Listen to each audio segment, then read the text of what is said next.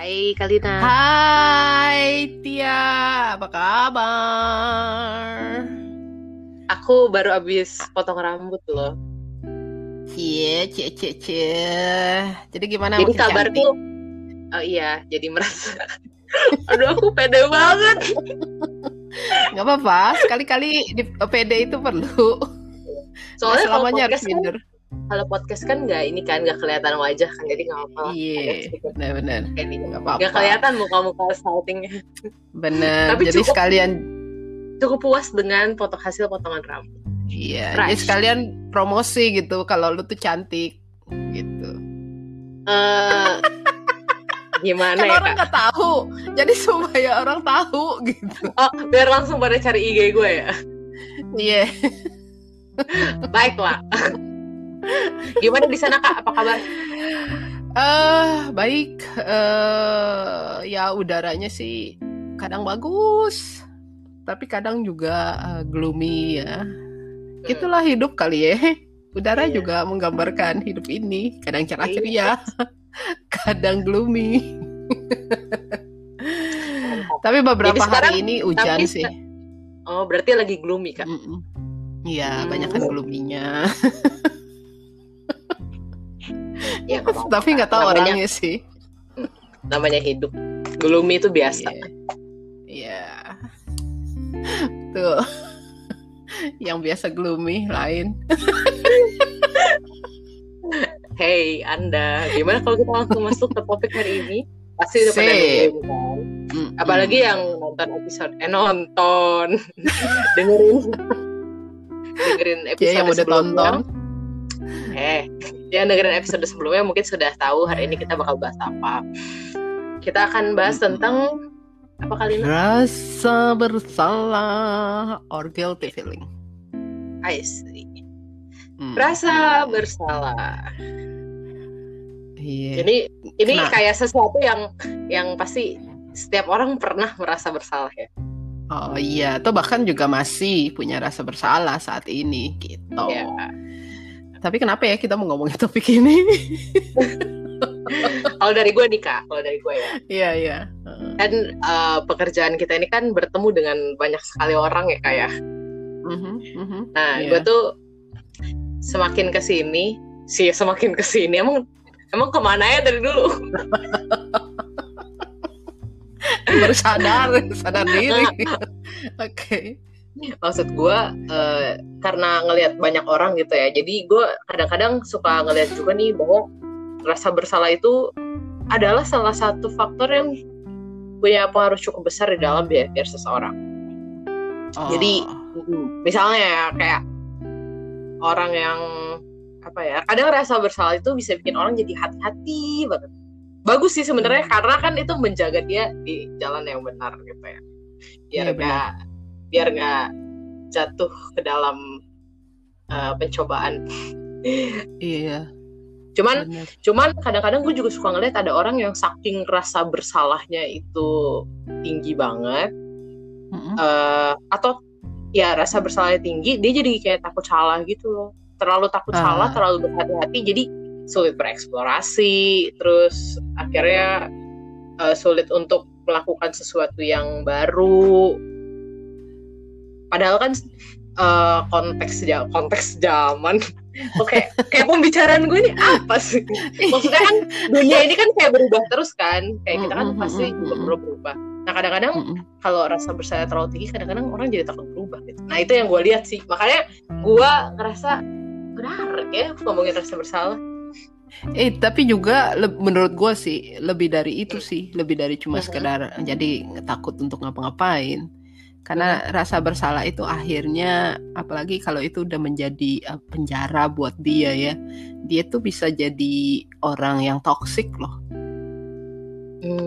karena Orang- rasa bersalahnya. Orang yang punya rasa bersalah tinggi ya. Iya, heeh. Jadi dia jadi apa ya eh, toxic yang kerasa banget yaitu pada dirinya sendiri gitu. Oh. Dia akan punya self blame yang tinggi sama dirinya gitu dan itu tuh eh, apa ya? Ya itu gue bilang dia akan jadi yang sebenarnya dia punya punya potensi yang sangat besar jadi ketutup oleh karena uh, rasa bersalahnya itu tapi sebelum hmm. sebelum ke situ nih ya kita hmm. ngomong yang yang gampang-gampang dulu lah dari okay. uh, rasa bersalah itu gue setuju sih sama lu bahwa ini sesuatu yang penting perlu juga kita punya itu hmm. karena rasa bersalah ini kan yang yang buat kita sebenarnya tahu apa apa yang Alkitab tuh bilang hmm, dengarkan juga hati nuranimu gitu Ya, betul. Nah, itu kita tahu bahwa oh ini nih gue uh, apa uh, ini nih gue melakukan kesalahan nih gitu. Hmm. Ini yang bukan kehendak Tuhan nih misalnya kalau pakai bahasa Alkitab gitu ya. Ini yang bukan hmm. Tuhan mau nih. Nah, itu yeah. dari rasa bersalah gitu. Iya benar. Kayak misalnya mengakui dosa juga. Kan kita nggak ya. mungkin ya mengakui dosa atau kayak hmm. bertobat atau kayak rabu-abu kemarin kan itu waktunya kita mengawali pertobatan menyesal mm, mm, mm, mm, tanpa rasa bersalah bener kalau nggak sadar bahwa eh lu tuh udah ngelakuin sesuatu yang yang jahat gitu loh yang nggak bener itu kalau kita nggak punya yang kita bilang nggak punya hati nurani lagi ya lu nggak akan pernah tahu bahwa oh gue udah udah nyakitin orang nih gue udah melanggar nih gitu hmm. kalau nggak punya iya. rasa yeah. bersalah itu gitu. itu paling yang ah. itu yang paling sederhana sih memang dibutuhkan rasa bersalah itu hmm. biar kita juga nggak merugikan orang lain ya Bener, kan orang kalau nggak bisa nggak punya rasa bersalah kan dia bisa melakukan iya. apa pun aja yang dia yang iya. dia lu lu lu pernah kan ya ketemu kalau gua sih dalam perjalanan hidup gua pernah kan ketemu orang-orang yang kayak ih gile lu ya udah salah terus nggak ngaku salah nggak sadar bahwa lu salah malah nyalain orang gitu loh. Nah, jadi kayak bener. kayak akhir, juga sih. Bener akhirnya kayak kok kenapa gue yang salah ya? Gitu loh. Orang ini salah itu kan nyebelin banget kan ketemu orang-orang kayak gitu nah itu orang-orang yang nggak tahu kenapa tapi maksudnya nggak nggak nggak ada rasa bersalah gitu. Hmm, I see. Itu kan benar Jadi perlu sih ya rasa perlu. bersalah itu sesuatu yang bisa membentuk kita juga. Iya benar. Karena itu kenapa misalnya di Alkitab kan pakai istilah pengakuan dosa gitu ya. Orang bisa ngaku dosa kalau memang dia tahu bahwa dia bersalah gitu. Iya, dan dia ngerasa kalau dia salah. Iya, bener. Uh -uh. I see bener sih dan dari kecil juga kan kita diajarin maksudnya kalau uh, orang tua mengajar anaknya kan juga gitu kan Mem memperkenalkan yang baik dan yang gak baik gitu itu kan mm-hmm. reward punishment gitu kan itu kan sebenarnya mau ngajarin anaknya bahwa ya kalau misalnya lu berbuat salah, lu akan dapat punishment dan itu akan menimbulkan guilty feeling sehingga dia next time bakal berbuat sesuatu yeah. yang benar. Iya, atau juga rasa bersalah itu pengalaman bersalah itu ya kan akhirnya hmm. bikin lu gini loh. Kalau satu waktu ya one day lu ketemu satu pilihan gitu kan, hmm. uh, lu bisa tahu tuh oh ini kayaknya nggak bener nih, gua nggak akan pilih itu gitu. Hmm. Itu kan belajar yeah. dari rasa bersalah gitu kan? Betul betul. Itu. Betul, betul. Oh gue akan pilih ini karena gue tahu bahwa ini yang bener. Itu. Jadi hmm itu sih peran rasa bersalah ya bagus juga. sih. Cuma memang nextnya adalah kalau rasa bersalah itu akhirnya jadi bumerang buat buat orang itu sendiri ya. Itu. Hmm. Itu kalau kalau gimana tuh Kalina? Maksudnya menjadi bumerangnya tuh kalau gimana? Jadi kayak gini ya, uh, kalau ingat deh cerita-cerita di Alkitab, uh, itu tuh kayak misalnya siapa ya Musa, ya setelah dia bunuh uh, satu tentara satu tentara Mesir itu dia kan kabur, lama loh, gitu, sampai akhirnya Tuhan panggil dia. Bahkan ketika hmm. Tuhan panggil dia dia tetap aja nggak pede. Karena apa? Karena beban ya, masa lalunya. masih, iya. masih merasa bersalah. Iya karena kayaknya aduh gue nggak layak banget gitu loh. Gue bukan ya lahir dari ya kita tahu lah kisah hidupnya ya dia Mhm. tuh punya double minor bukan cuma double banyak kali eh, eh, apa minority crisis ya itu Iya. Mulai- minority crisis, identity crisis, semuanya crisis. iya iya pokoknya Secara dia orang orang Israel. Mm-mm. ya hidupnya seperti itu terus juga dihantui oleh rasa bersalah sampai kabur berpuluh tahun gitu jadi dia tampil sebagai orang yang nggak percaya diri padahal Tuhan bilang hey lu tuh punya poten- potensi gitu. Tapi ya enggak lah gitu. Itu kasus pertama. Terus apa lagi? Oh yang gue suka misalnya cerita Yakub. Yakub tuh juga melarikan diri terus menerus setelah menipu bapaknya Esau. menipu Esau Oh, kan gitu. Kan dia kabur Dan dia Kalau misalnya lihat dari apa cerita dia kabur tuh kayak bener-bener gak damai sejahtera banget ya. Gitu. Iya, bahkan lu lu lu kalau perhatiin ya di dalam kejadian kejadian 29 ya, 29 30 gitu. Kan gila untuk menghadapi Esau aja dia rela loh mengorbankan keluarganya dulu yang dipajang kan sama sama dia kan sebelum ketemu Esau itu tuh eh, apa eh, hamba-hambanya duluan, terus juga keluarganya, istrinya, anaknya, terus baru dia di belakang gitu. Jadi istilahnya gila kalau yang mau mati, kalau si Esau marah nggak mau ngebunuh duluan dulu sono lo orang-orang lain, nanti terakhir baru gua gitu. Itu sebelum dia berjumpa dengan yang disebut malaikat Tuhan dan dia berperang di situ. Itu kan Hmm. bagian dari rasa bersalahnya gitu Mhm. Eh, sampai segitunya tuh rasa bersalah ya Eh, dia nggak berani me- me- menghadapi hidup ini gitu Hmm, mhm. Bener. Itu bisa membuat seseorang jadi ih kayak enak banget ya sebenarnya ya. enggak itu kayak ah, itu ke mana pun kita pergi apa pun juga yang kita lakukan itu kayak kayak beban banget yang yang terus ada gitu. Dan Iya, rasa bersalah gila banget. Dan dalam pengalaman hidup gue ya ada aja gitu. Pernah juga gue membawa beban rasa bersalah itu. Dan gak pernah lupa gitu loh peristiwa-peristiwa itu. Hmm, Itu sih. I see. Gimana tuh kak dinamikanya? Ci. Lo kan punya segudang pengalaman tuh. Enggak juga lah gue yakin setiap orang juga ada dan lu juga punya lah kan. Ya Ya iya. Kan gue nggak bilang gue nggak punya dan orang lain nggak punya. Gue bilang lu punya segudang pengalaman. Bener kan? Iya.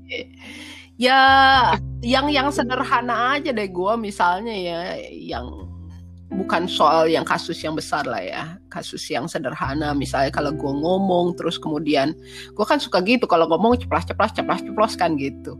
Nah, Terus eh, eh ternyata misalnya yang gue omong, eh gue tahu, eh akhirnya biasa kan gini, udah abis ngomong baru sadar, ih gila ya gue kasar banget gitu, ih gila ya orang itu tersinggung banget gitu. Nah itu tuh bisa berhari-hari loh gue mikirinnya. Kayak ih itu gila. apa? Itu maksudnya dampak dari rasa bersalah. ya? Iya itu dampak rasa bersalah karena gue guilty banget. Ya ampun kenapa sih gue untuk sesuatu yang sederhana gue sampai bisa ngomong begitu gitu loh sama orang itu. Itu gue bisa berhari-hari beneran. I- bisa hilang ya sekalipun gue mungkin udah ngomong ya sama orang itu gitu. Eh sorry ya gue tuh nggak bermaksud gitu. Gue tuh kasar ya kemarin tuh gue udah ngomong say sorry. Tapi tetap aja masih kepikiran kepikiran gitu. Itu yang sederhana sih gue nggak tahu kalau lu lu gimana lu juga ngerasain hal yang sama nggak Wuh. Jujur nih ya kayak Heeh. sebenarnya wah jujurnya di sini nih. nggak apa-apa ya. Ini kan ajang jujur-jujuran. Maksudnya kan gua kan calon pendeta nih ceritanya nih. Dan apa namanya berada di dalam proses menuju ke sana gitu. ya ya Kadang itu yang membuat proses penampisan oke terus terus terus. potong aja nih. oke. Ya, tapi tapi jujur eh itu tuh rasa bersalah tuh memang sebuah rasa yang selalu mengganggu gue sih. Hmm, mm, mm, mm. Jangankan mungkin untuk mikirin jadi pendeta gitu ya. kayak gimana sih gue mikir ya ampun gue tuh gue tuh apa Iya, yeah, iya. Yeah. jangankan itu tapi kayak untuk kerjain sesuatu yang sifatnya sehari-hari tuh Hmm. itu bisa keganggu juga loh maksudnya Hmm. karena gue merasa bersalah sering merasa bersalah akhirnya gue kayak ya itu karena takut eh karena rasa bersalahnya besar Heeh. Jadi gue tak terlalu takut untuk salah gitu. Hmm. terlalu takut untuk salah terlalu takut untuk gagal dan ternyata tuh perasaan itu membuat gue jadi sulit melakukan apa pun Ah. Ketiga. karena kan sebenarnya untuk melakukan sesuatu itu kemungkinan untuk salah itu kan selalu ada Iya, benar. gitu. Nah karena gue punya rasa bersalah yang terlalu besar, gue jadi takut salah, gue takut gagal, akhirnya gue sulit untuk melakukan apa pun juga, Hmm. Termasuk untuk menjawab panggilan kependetaan juga. Ah, jadi maksudnya gini, eh, benar nggak eh, untuk hal yang sederhana gitu ya, lu ngerjain ngerjain sesuatu lah yang memang jadi tanggung jawab lu, lu jadi, jadi kayak ragu-ragu gitu ya, mau Ini ini iya bener ragu-ragu, ya gitu kan, bener banget. ini ini gue benar nggak ya nanti gimana ya kalau salah, Eh, Iya kayak gitu ya. bener. eh, Hmm, karena dan sekali sekalinya misalnya gue eh, terus salah nih. Heeh. Nah itu tuh sama kayak gue kepikirannya tuh kayak bener-bener bisa berhari-hari. Padahal padahal ya secara logika nih ya kan mm, kadang tuh logika sama hati gue tuh suka bertentangan. Padahal kalau secara logika namanya kesalahan ya udah tinggal tinggal diperbaiki gitu kan. Mhm. Tapi tuh kayak sesuatu di dalam diri gue, mungkin hati gue atau segala apa pengalaman-pengalaman gue atau gimana atau alam bawah sadar gue gitu Iya. yang uh, selalu bilang "Hmm, tuh kan lu salah gitu. Mm, Harus lu nggak kayak gitu. mm, Kayak jadi ada yang meng ini loh me- Ya kalau kayak kartun mah ada suara malaikat, ada suara iblis ya gitu. bener. gitu. makanya ini kayak bagi, gue kayak matters banget kenapa karena karena gue melihat di dalam kehidupan ini salah itu sesuatu yang akan selalu ada di dalam Iya, kehidupan kita Betul. ketika kita hidup ketika kita mengerjakan sesuatu Heeh. Ya, ya itu itu akan selalu ada dan kalau misalnya kita punya rasa bersalah tinggi dan takut salah tuh akhirnya kita nggak nggak membuat apa pun juga sih Betul, ini, ini bener betul betul betul karena kita jadi orang yang takut eh, takut banget gitu ya. Apalagi menurut gue sih sekarang dunia kita kan ya dengan berkembangnya medsos itu apa pun juga net- netizen itu bisa komentar apa pun juga kan. iya lu lu nggak usah lah ngomong apa yang gue lakukan ini bener atau salah gitu ya. Ah, untuk sesuatu yang bener aja bisa aja orang komen ngom- komennya yang seolah-olah eh gila lu salah bener gitu kan? Eh, Hmm. itu gitu. Eh, tapi ya ya ini ya memang sesuatu yang menurut gue sih eh, ya, eh, untuk apa ya ketika kita ada pada rasa bersalah seperti itu yang mesti kita ingat ya yang lu tadi bilang bahwa kita kan sebenarnya manusia nggak mungkin lah nggak nggak nggak pernah bersalah gitu. Eh ya ini yang yang yang kita bilang ya kita memang vulnerable ya rapuh ketika nggak ada orang yang sempurna gitu loh. Pasti siapa pun juga lu mau cari orang yang dipuja-puji gitu ya. Di mana pun juga bahkan juga tokoh-tokoh Alkitab juga melakukan kesalahan. Ya itulah manusia gitu. Hmm. tapi sesuatu yang menurut Betul. menurut gua yang harus di apa ya underline ya. Bold nih ya tebal-tebal. Adalah kerapuhan kita itu yang membuat kita buat salah. Nggak pernah ini kalau orang yang gua nggak pakai istilah normal apa ya. Kalau orang yang memang ya tapi juga nggak mau ngomong bener. Eh, pokoknya gini yang orang itu nggak ada orang yang buat salah itu karena pengen buat salah. Nggak ada tuh orang yang kepengen buat salah sengaja-sengaja tapi eh, it's happening gitu. Kenapa? Ya ada aja. Hmm, ada aja bisa aja. Itu aja sih.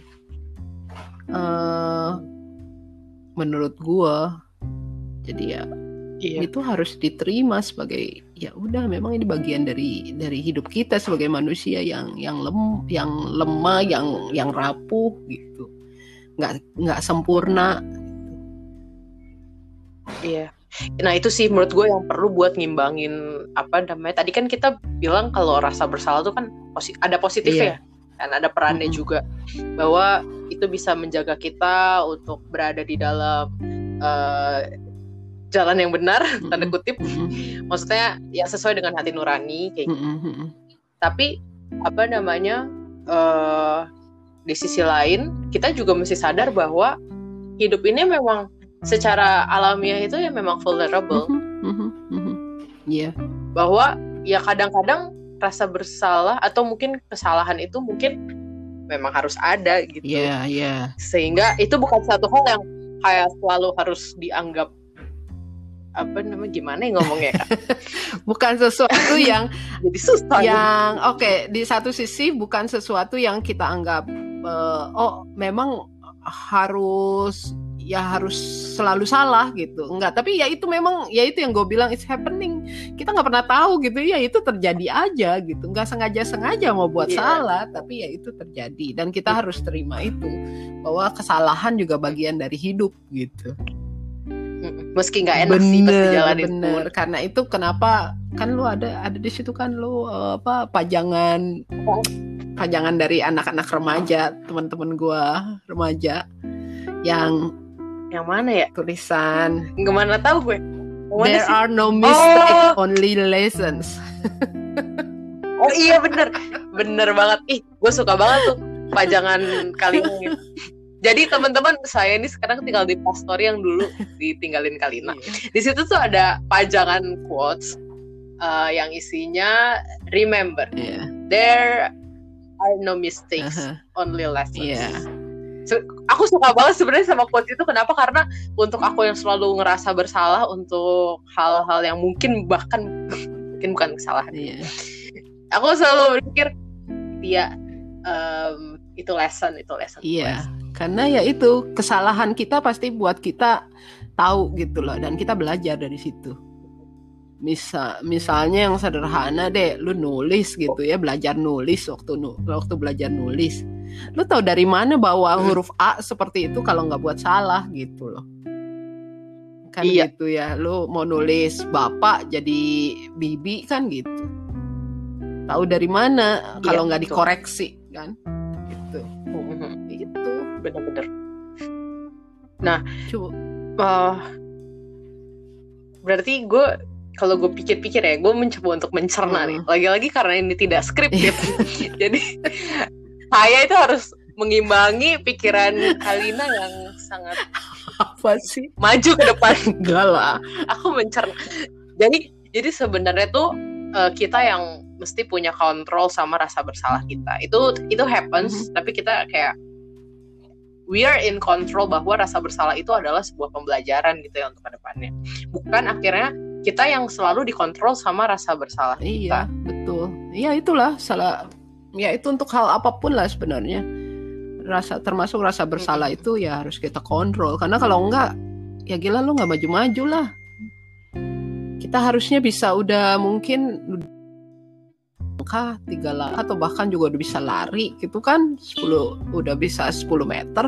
Tapi ya karena rasa bersalah itu aja terus membawa kita pada ah nggak bisa lah lu jangan lagi lah lu mesti ini lah lu nggak bener lah itu kan akan selalu menghantui kita nah sekarang pertanyaan gue nih Kalina kenapa lu jadi nanya jawab sama gue okay, ya okay. gimana? Oke okay, oke okay, okay. silakan silakan silakan. Abis kan gue suka suka muncul gitu pertanyaan okay, Oke. Okay. Dan aku kan suka mencari jawab kan uh dan Kalina tuh biasanya menjadi orang yang tepat untuk menjawab nggak juga nggak selalu nggak selalu gue juga suka nanya sama lo oke okay. Berarti kan kadang-kadang kan uh, bukan kadang-kadang sih ada beberapa orang yang akhirnya karena nggak bisa kontrol rasa bersalah mm -hmm. dia hidupnya tuh dikontrol sama rasa bersalah. Yeah. Nah, menurut lo apa yang bisa menyebabkan seseorang itu dikontrol sama rasa bersalah? Eh, uh, oke. Okay gua sekali lagi karena gua gua me, sekarang ini kok lagi mendalami banget soal trauma ya. Mm-hmm. Nah, salah satu sebenarnya salah satu gejala trauma kita tahu nih, gue trauma atau enggak sih dengan satu kejadian gitu ya, yaitu self blame itu salah satunya buat si victim gitu ya atau korban.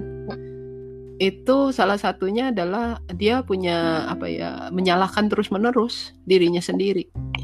Misalnya ya misalnya ini pada korban-korban uh, pemerkosaan misalnya ya atau sexual abuse itu tuh mm -hmm. instead of dia nyalahin uh, si pelaku dia nyalahin dirinya sendiri gitu misalnya hmm. misalnya uh, coba ya waktu itu gue nggak jalan sendiri gitu ya misalnya coba iya. waktu yeah. itu gue uh, dengerin apa kata uh, orang tua gue untuk mau dijemput gitu coba ya waktu mm -hmm. itu kalau gue nggak pakai baju yang rada terbuka misalnya gitu.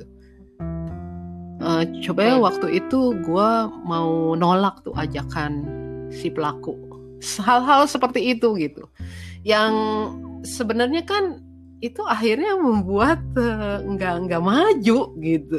Padahal dia tuh korban gitu. Dia tuh nggak nggak nggak nggak layak mau menyalahkan dirinya sendiri itu itu itu yang menurut gue bisa jadi pertama uh, itu bagian dari traumanya.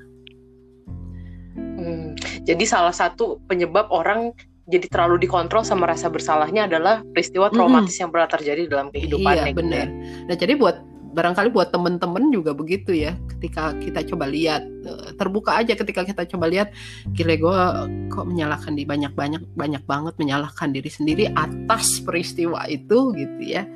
Maka jangan-jangan itu bagian dari trauma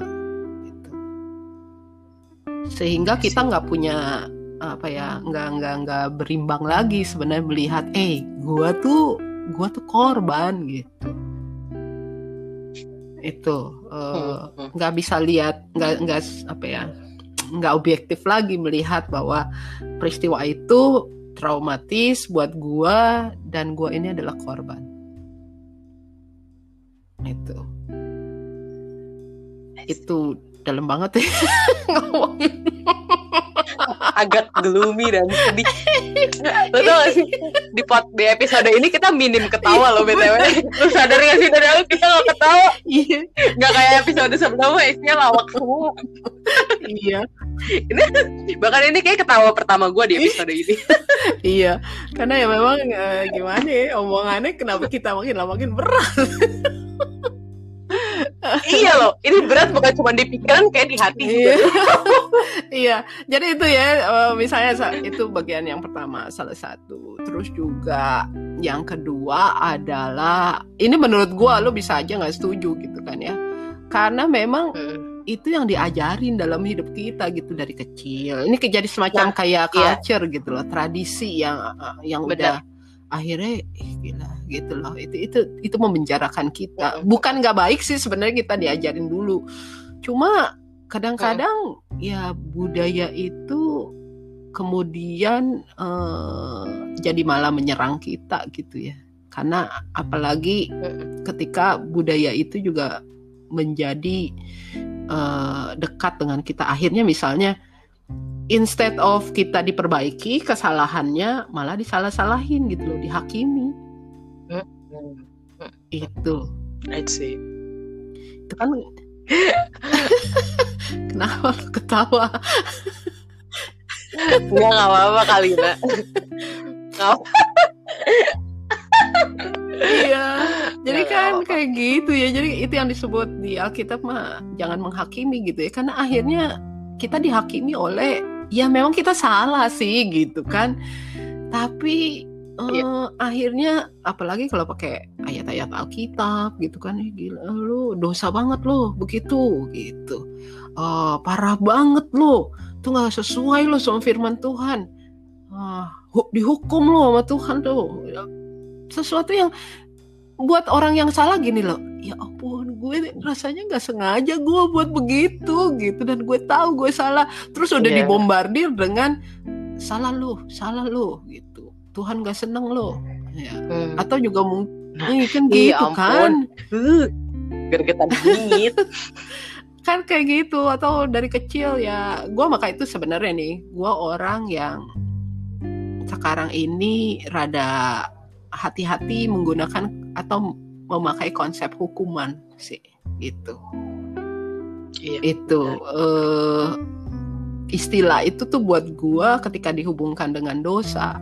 Gua hati-hati banget. Ya bukan berarti bahwa orang yang salah terus gua ya udahlah lu nggak perlu dihukum. Enggak enggak juga gitu. Tapi maksud gua mungkin karena dari kecil eh, istilah hukuman dihukum dan lain-lain itu sesuatu yang kan gini ya gue gua belajar misalnya pada pada tradisi kita ya di Indonesia. Ketika kita melakukan Hmm. kesalahan dan kita dihukum gitu ya disuruh apa kayak misal gue sering banget waktu SMP tuh gue sering dihukum kan gitu kan. Atau juga ada orang tua yang pukul dan lain-lain itu tuh tanpa penjelasan gitu loh. Kenapa sih lu sa- lu kenapa dihukum gitu? Kenapa lu eh, di diperlakukan begini gitu? Tahu-tahu kamu ya nakal ya udah sana gitu. Apa sih nakalnya yang mana? Kadang kan itu ya wa- waktu waktu kita kecil kita kita tahu eh, kita mungkin nggak sadar bahwa gue salah ya gitu. Tahu-tahu cuma dibilang eh nakal lu ya nakal lu ya dihukum. Eh, di mana nakalnya? Gitu. Misalnya yang sederhana ya anak-anak manjat-manjat kan gitu kan. Kan namanya anak-anak ya manjat-manjat. Itu sesuatu yang terus orang tua marah gitu. Dan dihukum ya. Jadi kenapa sih apa yang salah dengan manjat-manjat? Nggak tahu gitu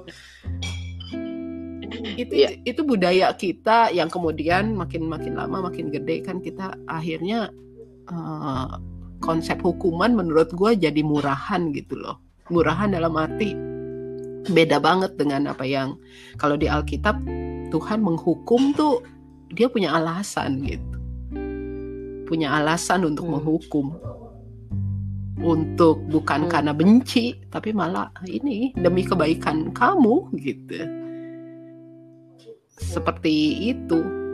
Eh tapi ya itu akhirnya budaya itu yang membuat orang menghakimi orang lain gitu. Ketika ada yang salah eh, kayak misalnya gue suka bilang gini ini di dalam kebaktian gitu kan. Bagus lah ya memang kebaktian kita rapi itu bagus. Ya. Kita. Nah oh ya kita kita, kita eh, ya kita lah gereja gereja tit. Ya di gereja gitu ya. Eh, bagus sih kita rapi mempersiapkan gitu ya menyusunnya. Eh, bagus gitu. Dan gue juga senang dengan kerapihan. Tapi maksud gue gini kalau memang terjadi kesalahan gitu di dalam ibadah itu yang apa yang kita susun itu udah rapi gitu kan terus akhirnya jadi "Hah, kok nggak seperti apa yang kita bayangkan ya udah sih gitu eh ya itu Hmm. udah terjadi kalau gue sih begitu ya ya ya udah sih itu terjadi itu udah terjadi dan coba deh orang yang yang membuat eh, itu jadi berantakan coba tanya eh lu sengaja ya tadi ya pasti enggak nggak ada keinginan untuk itu Iya. ya udah tinggal ya udahlah nextnya Mm. cobalah kita perbaiki nggak lagi begitu gitu ini yang membuat nah Mm-mm. itu tuh kak yang ya. Iya maksud akan gua diselesaikan. Mohon maaf eh, ini yang membuat orang-orang yang tadi ya dianggap melakukan kesalahan dan lain-lain akhirnya merasa gereja itu nggak lagi menjadi tempat pemulihan buat dia gitu. Malah jadi apa ya jadi tempat penghakiman ya. Ngejudge banget gitu. Iya. padahal kan gereja ya seperti Tuhan ya memulihkan gereja itu menjadi tempat pemulihan buat gua sih terus terus apa tadi lu mau ngomong apa sih. kepanjangan Iya. gua ngomong itulah yang ya nggak apa-apa kan tadi saya bertanya kalau anda mau jawab panjang ya Siap. silakan tidak apa-apa makanya kalau saya bertanya anda jangan jangan Baik, Bu. protes baik kakak Tia ampun ampun Kalina nanti aku perlu kualat lagi Iya. nah itu menurut aku juga tadi yang pertama kali Kalina bilang soal trauma itu setuju bingit bahkan aku sampai speechless karena ah, gitu deh Oke. mungkin itu nanti kita bahas di episode kedua kali ya cuman yang itu yang soal culture itu juga itu, itu yang yang aku lihat sih aku bingung kenapa sejak Hmm. kapan atau se- atau bagaimana awal mulanya kita tuh harus hidup sesempurna Hmm. mungkin gitu karena menurut aku yang membuat orang akhirnya punya rasa bersalah terlalu tinggi itu ketika punya tuntutan hidup yang terlalu sempurna atau punya target hidup yang terlalu sempurna entah itu datang dari dirinya sendiri atau mungkin itu dari uh, society Iya. culture-nya itu lo harus gini harus kayak gini kayak lo harus Hmm, excellent hmm, excellent Iya, iya. kayak gitu loh kayak pendidikan di sekolah pendidikan di rumah kayak instead of uh, lu salah nggak apa-apa dan lu belajar tapi orang-orang malah kayak lu nggak boleh Mhm, salah nah mhm. itu loh menurut Ya. gue yang mungkin bisa bikin orang punya rasa bersalah yang tinggi padahal kan Mhm. kalau menurut gue ya dan juga kalau gue melihat apa pengalaman-pengalaman kehidupan gue ya salah nggak apa-apa. Kadang gue kalau misalnya ngeliat ke belakang dengan segala kesalahan yang pernah gue buat gitu baik yang besar atau yang kecil gue pikir gue sampai ada di titik di mana eh gak apa-apa sih kayak kemarin gue salah gue jadi gue jadi tahu gitu. Gue ada di titik di mana ya ya memang pada saat itu gue salah tapi bukan berarti gue menyesali menyesali dalam arti kayak kayak masa lalu gue tuh aduh, kayak nggak seharusnya ada dan malah menurut gue kayak ketika gue berbuat salah ya udah Iya. ya udah gitu. dan sebenarnya sampai sampai gue mikir kayak gitu juga sebenarnya prosesnya panjang sih karena gue gue menemukan bukan menemukan ya tapi gue menyimpulkan dan juga Mhm. merefleksikan mungkin ya bahwa terkadang rasa bersalah itu kan penting tapi rasa bersalah itu biarkanlah ada ada pada momennya ada pada benar. tempatnya harus ada saat di mana kita rilis rasa bersalah itu kita memaafkan itu. Iya, ngomong doang nih iya memang nggak gampang sih. Enggak sih, maksudnya aku, aku ya, maksudnya aku Iya. juga berproses. Iya, gitu. gue ingat eh, oh eh, Brina Brown ya, Eh, gue suka banget ketika dia ngomongin vulnerable ya, Berantem. yang dia bilang ya kalau kita tahu bahwa kita rapuh dan kita juga melakukan kesalahan, yang kita yang harus lakukan adalah ya udah fix it gitu loh, perbaiki. Udah. Mhm. Eh, eh, Iya. Jadi, jadi sebenarnya udah Oh, iya. simpen dulu, simpen dulu, biar tambah penasaran buat minggu depan. Eh, udah. Iya. Iya, iya. Tapi intinya di dalam episode ini eh, terkait dengan rasa bersalah ya, kita memulai dengan salah Mhm. tuh gak apa-apa Iya, sebenarnya. betul. Iya. It's okay if sometimes you do some Iya, mistakes. terus ya udah nanti kita akan ngomongin minggu depan lebih dalam lagi yang tadi lu bilang kenapa sih bisa muncul budaya gitu ya jadi akhirnya hmm, Iya. culture yang menyalahkan dan lain-lain dan atau mungkin ya lebih jauh dari itu lah. dan mungkin trauma-trauma yang Yes. membuat rasa bersalah. Iya, karena nanti udah kelamaan nih, Aduh. udah lebih dari 30 menit, 30 menit. Oke deh. Next episode kita ketemu lagi di Daily Steps. Si Yes. ngomongin tentang rasa bersalah. Mhm. Kelanjutan ini, teman-teman seperti biasa kalau punya cerita tentang rasa bersalah, pertanyaan atau respon, atau Iya, mungkin nggak setuju sama kita benar. juga boleh, boleh, kan, boleh. Kayak, Iya, Menurut aku nggak kayak yang Kalina sama Tia benar. sebut nih. it's okay. Boleh juga. Ya, kita teri- terima kasih banget. Mm-mm, We Kita are thank you open. banget ya untuk setiap masukan dan yang udah yang yang sampai ke kita gitu. Karena sebetulnya juga dari bahasan kita udah berapa episode lima. sih? Kemarin tuh kan lima Hmm. episode ya kalau nggak salah. Hmm, Itu juga kita eh, beberapa kali kepikiran dari Iya. masukan teman-teman, Mm-mm. feedback gitu ya, pertanyaan teman-teman. Jadi Ya, feel free. See you. See you on the next Oke, episode. bye. Bye.